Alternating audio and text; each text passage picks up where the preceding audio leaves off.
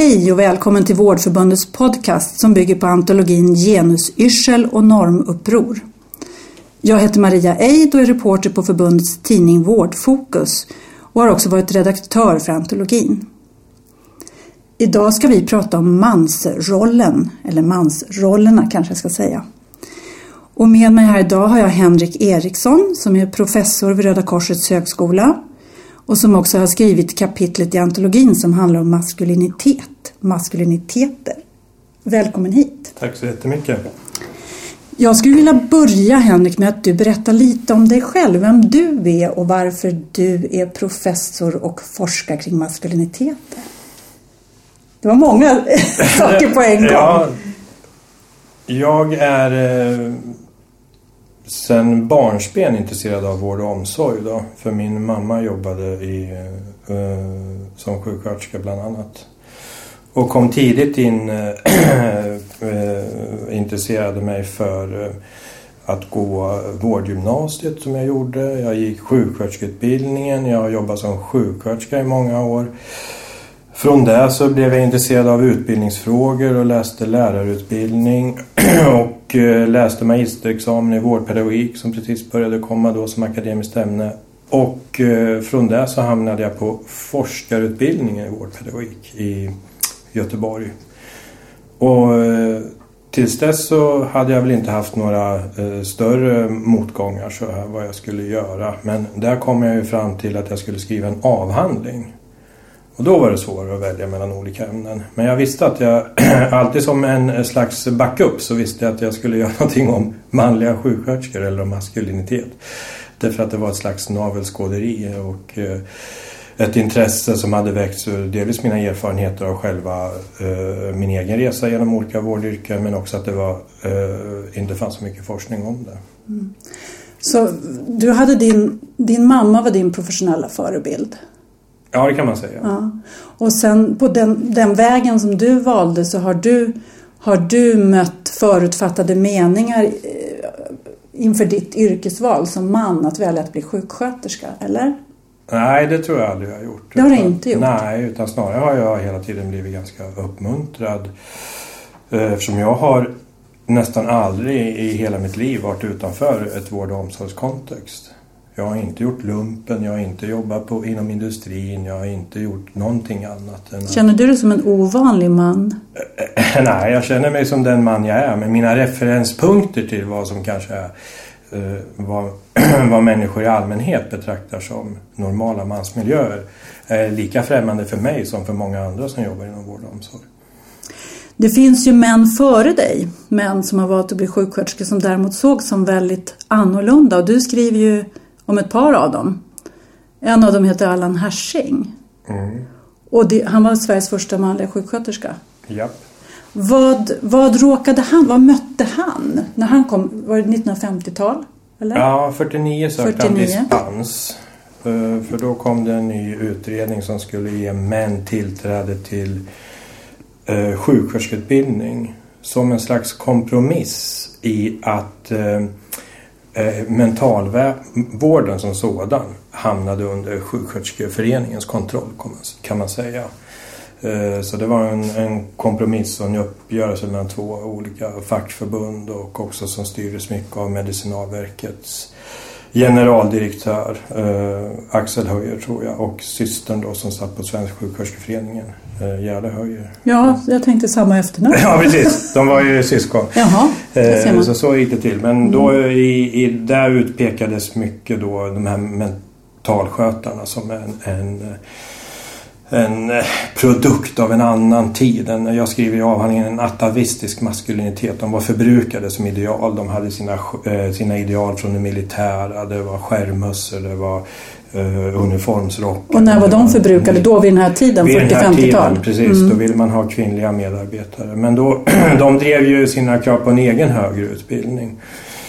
Men vad kom Allan Hersing in i bilden här då? Han hade då kanske under 20 års tid jobbat i, inom mentalskötarvården. Mm. Och eh, för honom att söka sjuksköterskeutbildningen var ju ett led i den befordringsgång som var snårig för männen i mentalvården vid den här tiden. Eh, men samtidigt så, så sågs det som ett eh, förräderi i de egna leden att han gjorde så, så att säga. För att, ehm, För att han... Ja, han eh, underminerade ju då den fackliga kampen bland de manliga mentalskötarna till rätt till egen högre utbildning. Men hur reagerade omvärlden när han kom då som man, eh, första manliga sjuksköterska?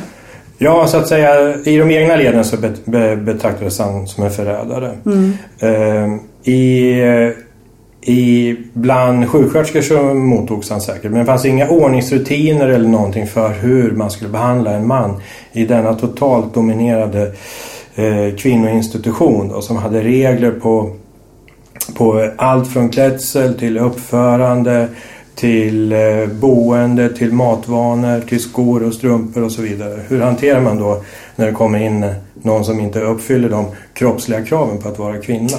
Mm. Så det är det som är så intressant och då, det är då jag använder det här begreppet genusyrsel. Det var det han skapade? Det var det han skapade eh, gentemot sin omgivning då, men också inom sig själv så att säga. Han måste hantera och balansera de här eh, kontroverserna och kraven som, som man ställs inför. Eh, och jag försökte när jag skulle beskriva den här historiska processen använda andra begrepp som bland annat Yvonne Hirdman mynt, har myntat det här med genuskontrakt. Att det är en uppgörelse, det är någonting man förhandlar och kommer överens om hur man ska uppföra sig som man och kvinna.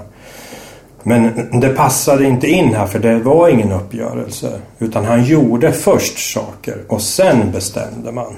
Han var en pionjär. Ja, alltså mycket av det här, när det handlar om att skapa nya ordningar som sen materialiseras som någonting som vi tar för givet och sant och naturligt. Som känns som sant och äkta och rätt. Eh, det är ofta bara liksom en produkt av någon, någon som redan har gjort det innan. Men inte så bara, för det är ju det är ju rätt massivt att, att få hela omgivningens negativa reaktioner på sig. Absolut. Och det fick, det fick han, eller? Det fick han och eh, framförallt som jag har studerat då nummer två som heter Holger Eriksson då, att eh, eh, stå ut i den här genusyrseln. Att stå kvar och sakta jobba med en normförskjutning. Och där... Eh, Har de lyckats med det? Har de lyckats med att, att förändra mansrollen. mansrollen? Alltså i och med de som materialiseras ett nytt sätt att vara man på i Sverige. Och inte bara i vården pratar vi här, Nej, utan överhuvudtaget. a- a- överhuvudtaget. Allra minst i vården. Allra mest är de en produkt av en relation mellan andra typer av att vara man på. Det är ju det, det, är- det, är det som de har givit svenska män eh, störst glädje av. Vet du, vet man någonting vad de, hur de själva kände och upplevde? Har de skrivit och berättat om det, intervjuats om det eller? Jag har ju träffat Allan Hersäng. Ja, du har gjort Ja, jo, jag har intervjuat honom vid eh, några tillfällen eh, under jag skrev min avhandling och medan han fortfarande levde. Han dog under eh, avhandlingsskrivandet vid eh, 90 års ålder. Strax eh, efter att hans fru och Margit som var barnavårdsman hade gått bort. Han berättade ju för mig hur det var men eh, det var ju ett perspektiv, i ett perspektiv av ungefär 40 år senare. Eh, det, det, man kan ju se från hur han skildras i media men också från det han berättar att han väckte en enorm uppståndelse. Och, Negativ eller bara eh, lustigt. lustigt? Eh, lustfyllt. Ett aprilskämt tror jag. Aprilskämt Mm. och, och eh, på många sätt så här. Men eh, mera lu- eh, lustfyllt. Men kunde han berätta någonting om hur han upplevde att bli beskriven så? Nej, det har han inte berättat för Nej, mig i alla fall. Men eh, reaktionen är ju eh, ganska allmän. Eh, Den finns även fortfarande kvar idag om man tittar på exempelvis en, en eh, amerikansk Hollywoodfilm som jag tror heter Meet the Fuckers eller Släkten är värst med Ben Stiller. Där man, där man liksom lägger ihop alla de här bitarna och gör, eh, skapar lustighet av det. Han heter Gaylord Fucker. Gaylord. Gay, Lord Fucker och han är manlig sjuksköterska. Så att det finns en enorm eh, Är lust någon inkarnation av en tönt då? Eller vad? kan man ju säga. Men så är det ju med maskuliniteter. Det är ingenting som är hugget i sten utan det är sociala processer kopplade till makt som är i ständig rörelse. när du säger tunt, då kan man ju se exempelvis på hur eh, när jag växte upp, hur eh, datanörden, den var den absoluta tunten på 80-talet. Det var någon som fanns med i utkanten av ett kompisgäng som var atleter. Men som aldrig hade någon framgångs, eh, aldrig var framgångsrik med, med tjejer eller var socialt eh, i centrum på något sätt. En tunt helt enkelt.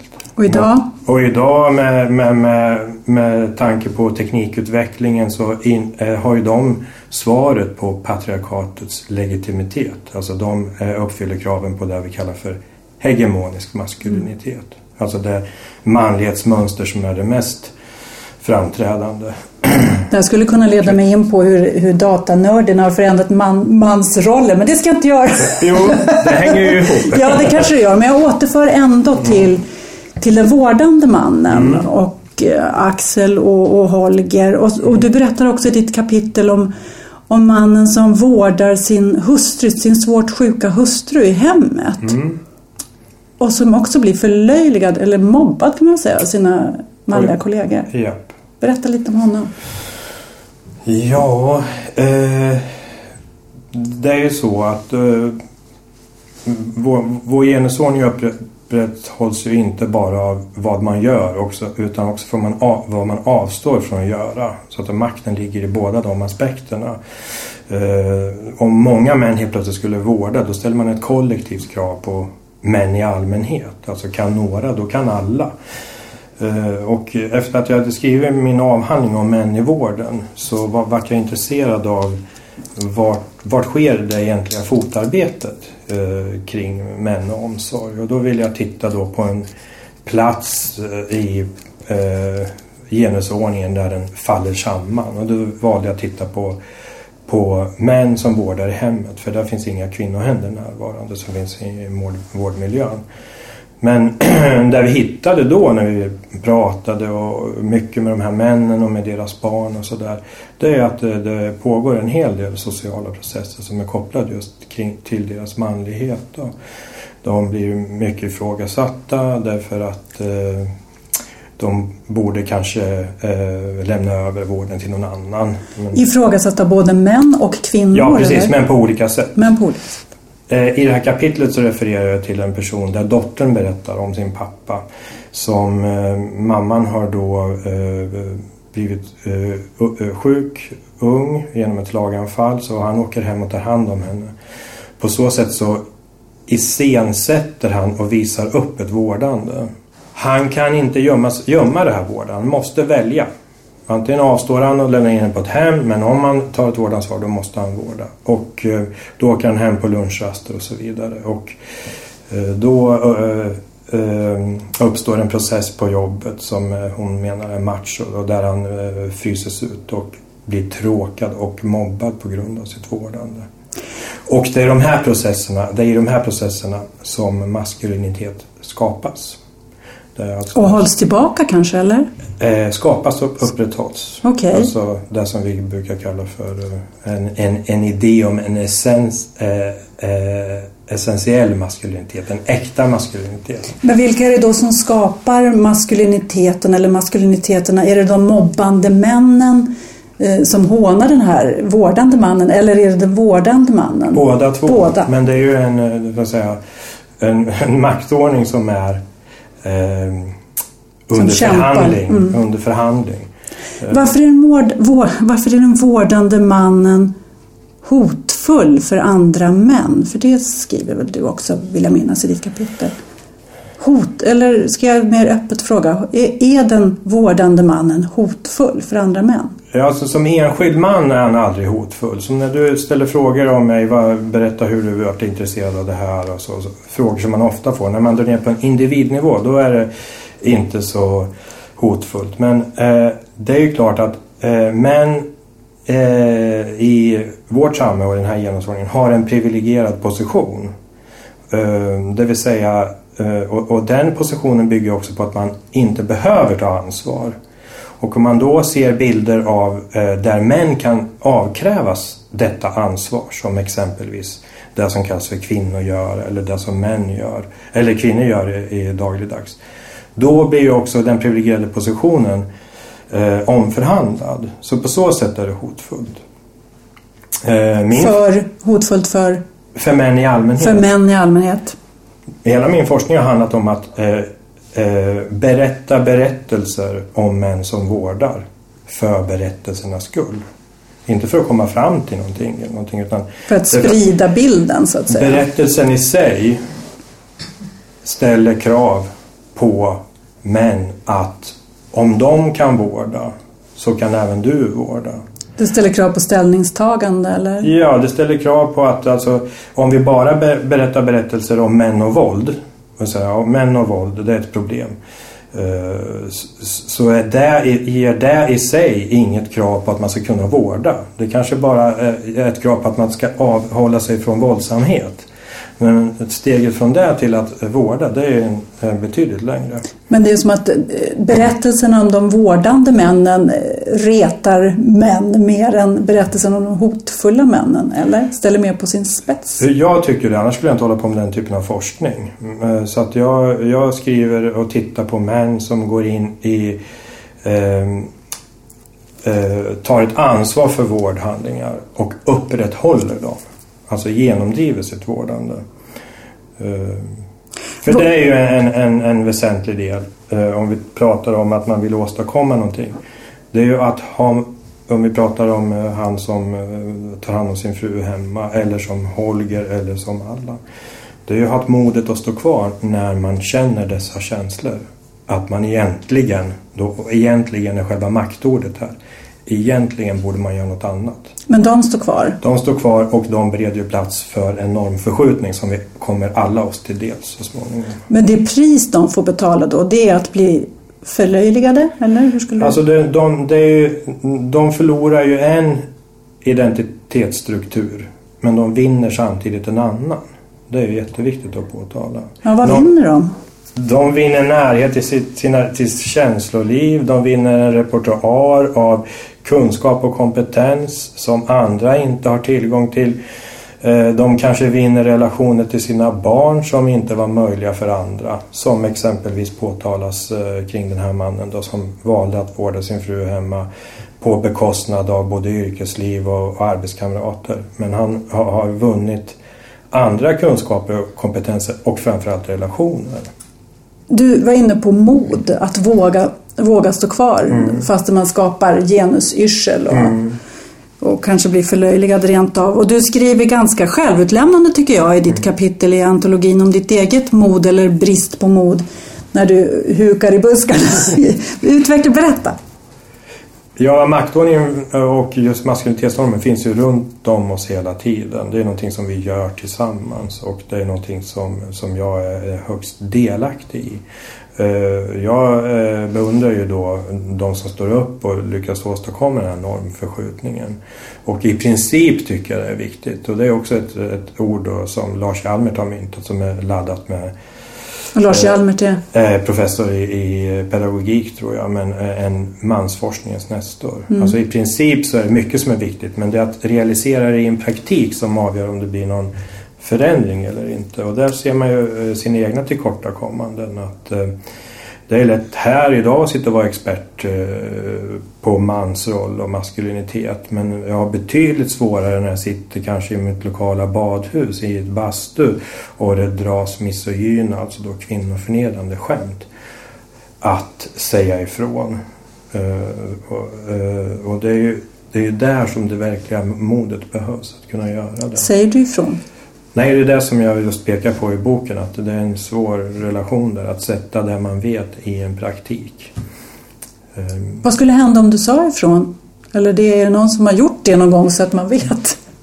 Eh, ja, det, det görs ju säkert hela tiden. Men här i boken så, så, visar jag på att den maktordning vi pratar om det är ingenting som sker i affärsvärlden eller sker på sjukhusen utan den sker hela tiden, sipprar den i, i vardagen. Vid varje situation så finns det en möjlighet att göra någonting annat. Så att... Eh, du, eh, när du pratar om, om män i vården och vården i männen. Mm. Så jag tror att du har sagt så här att, att vården gör mer för, för männen än männen för vården. Mm. Och ibland så sägs lite provocerande att fler män i vården skulle, ja, skulle Mm. förändra vården, få upp lönerna och få en massa positiva effekter. Hur ser du på det? Vad, kan männen tillföra ett annat perspektiv till vårdandet eller är det tvärtom att det är vårdandet som förändrar mannen? Eh, jag tror inte männen kan tillföra ett annat perspektiv på vårdandet. Och alla de ingångarna som kommer eh, utgår från en, eh, traditionell genusordning så att säga. Där vi är komplementära. Vården har en brist eftersom det inte är några män där. De ska tillföra då kanske ledarskap, styrka, de ska få upp lönerna. Så att alla de utgångspunkterna är i sig förstärker en stereotyp som vi redan lever med idag. Och jag har försökt undvika den i mina forskningsfrågor. Jag är mer intresserad av vad vården kan göra för männen. Mycket av de problem som vi har i samhället idag är kopplat till maskulinitet och destruktiva mansformer som har att göra med våld, ett känsloregister som kanske inte går bortom de, eh, de egna upplevda behoven eh, som har bristande empati eller förmåga att relatera till eh, andra och utsatthet. Mycket av de sakerna som är kopplade till- de tjänsteregistren det är sånt som handlar om att vårda och som man lär sig i vårdutbildningarna. Så på så sätt så om man, om man skulle på ett systematiskt sätt använda den kraft som finns i vården Eh, för att eh, tackla de här problemen så skulle man kunna vinna så mycket mer än att diskutera vad som sker på en sjukhusavdelning i relation till patienterna eller, eller glödlampor som ska bytas eller att man blir mer teknikorienterad. Utan den stora frågan för mig det handlar just om att det vården kan tillföra männen är kopplat till andra stora samhällsproblem som vi har. Som handlar bland annat om våld. Som också många kvinnor blir utsatta för eh, av just män. Så fler vårdande män skulle betyda fler empatiska män och färre våldsverkande män?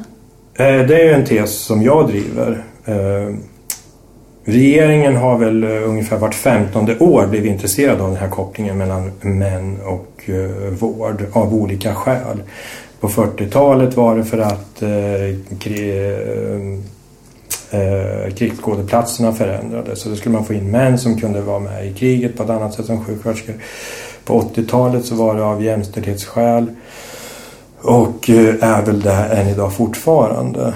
Men hela tiden ligger fokus på vad, vad, att vården ska stoppa in mer män. Men den andra frågan hur man ska eh, få eh, vården in i männen. Den var i princip uppe på 70-talet och vände ganska fort. Så den, den diskuteras inte nu? Jag tycker inte den gör det. Det har precis släppts en ny utredning då, som handlar om just om män och jämställdhet. Och det, frånvaron den här frågan tycker jag är ganska påtaglig.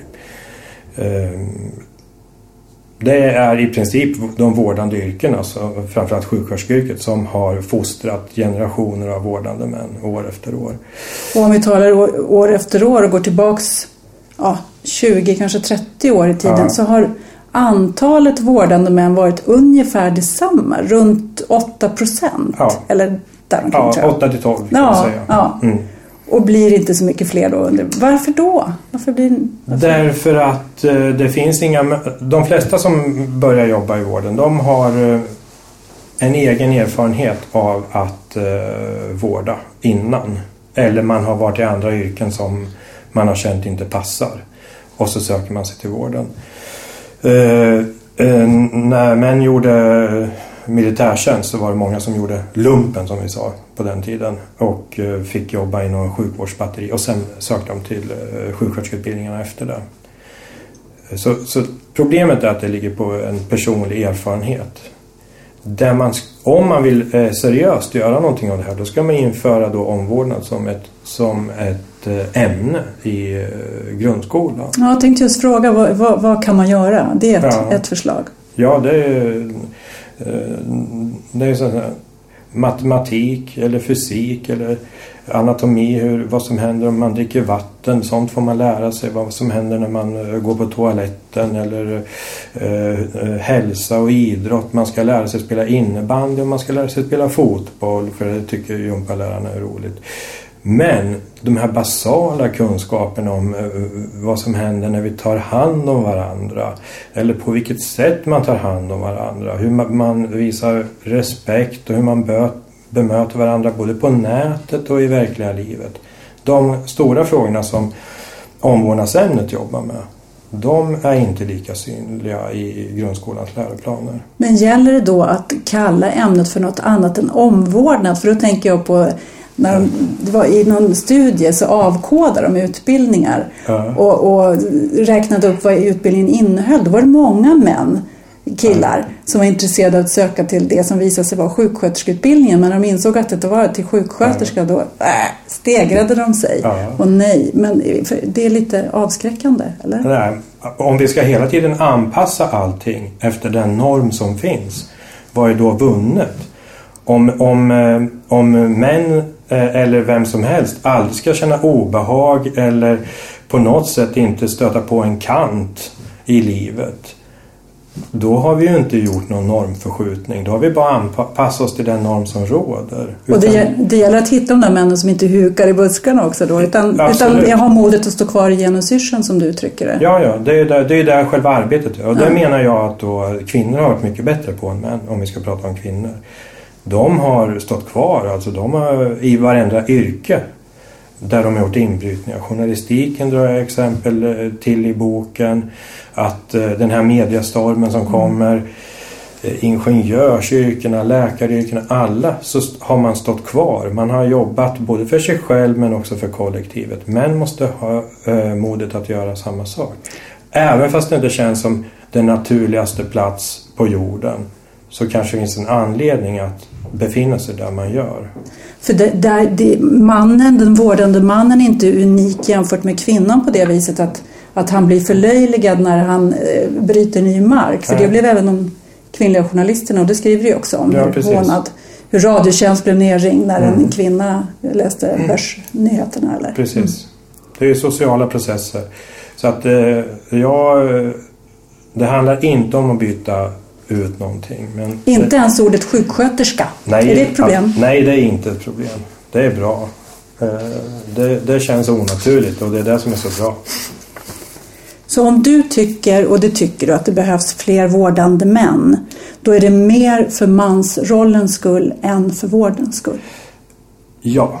Det, det, det finns ett problem i vården därför att ett, ett stort manligt inbrytande kommer också innebära tillbakagång för deras kvinnliga kollegor.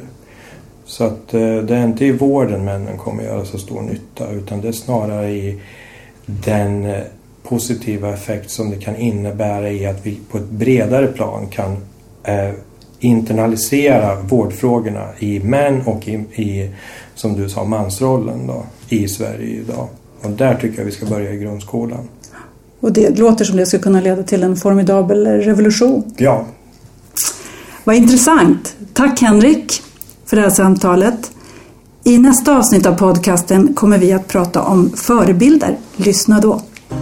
Du har lyssnat på Vårdförbundets podcast Genusyrsel och normuppror. Tidigare avsnitt och information om antologin med samma namn hittar du på vardförbundet.se genuspodden.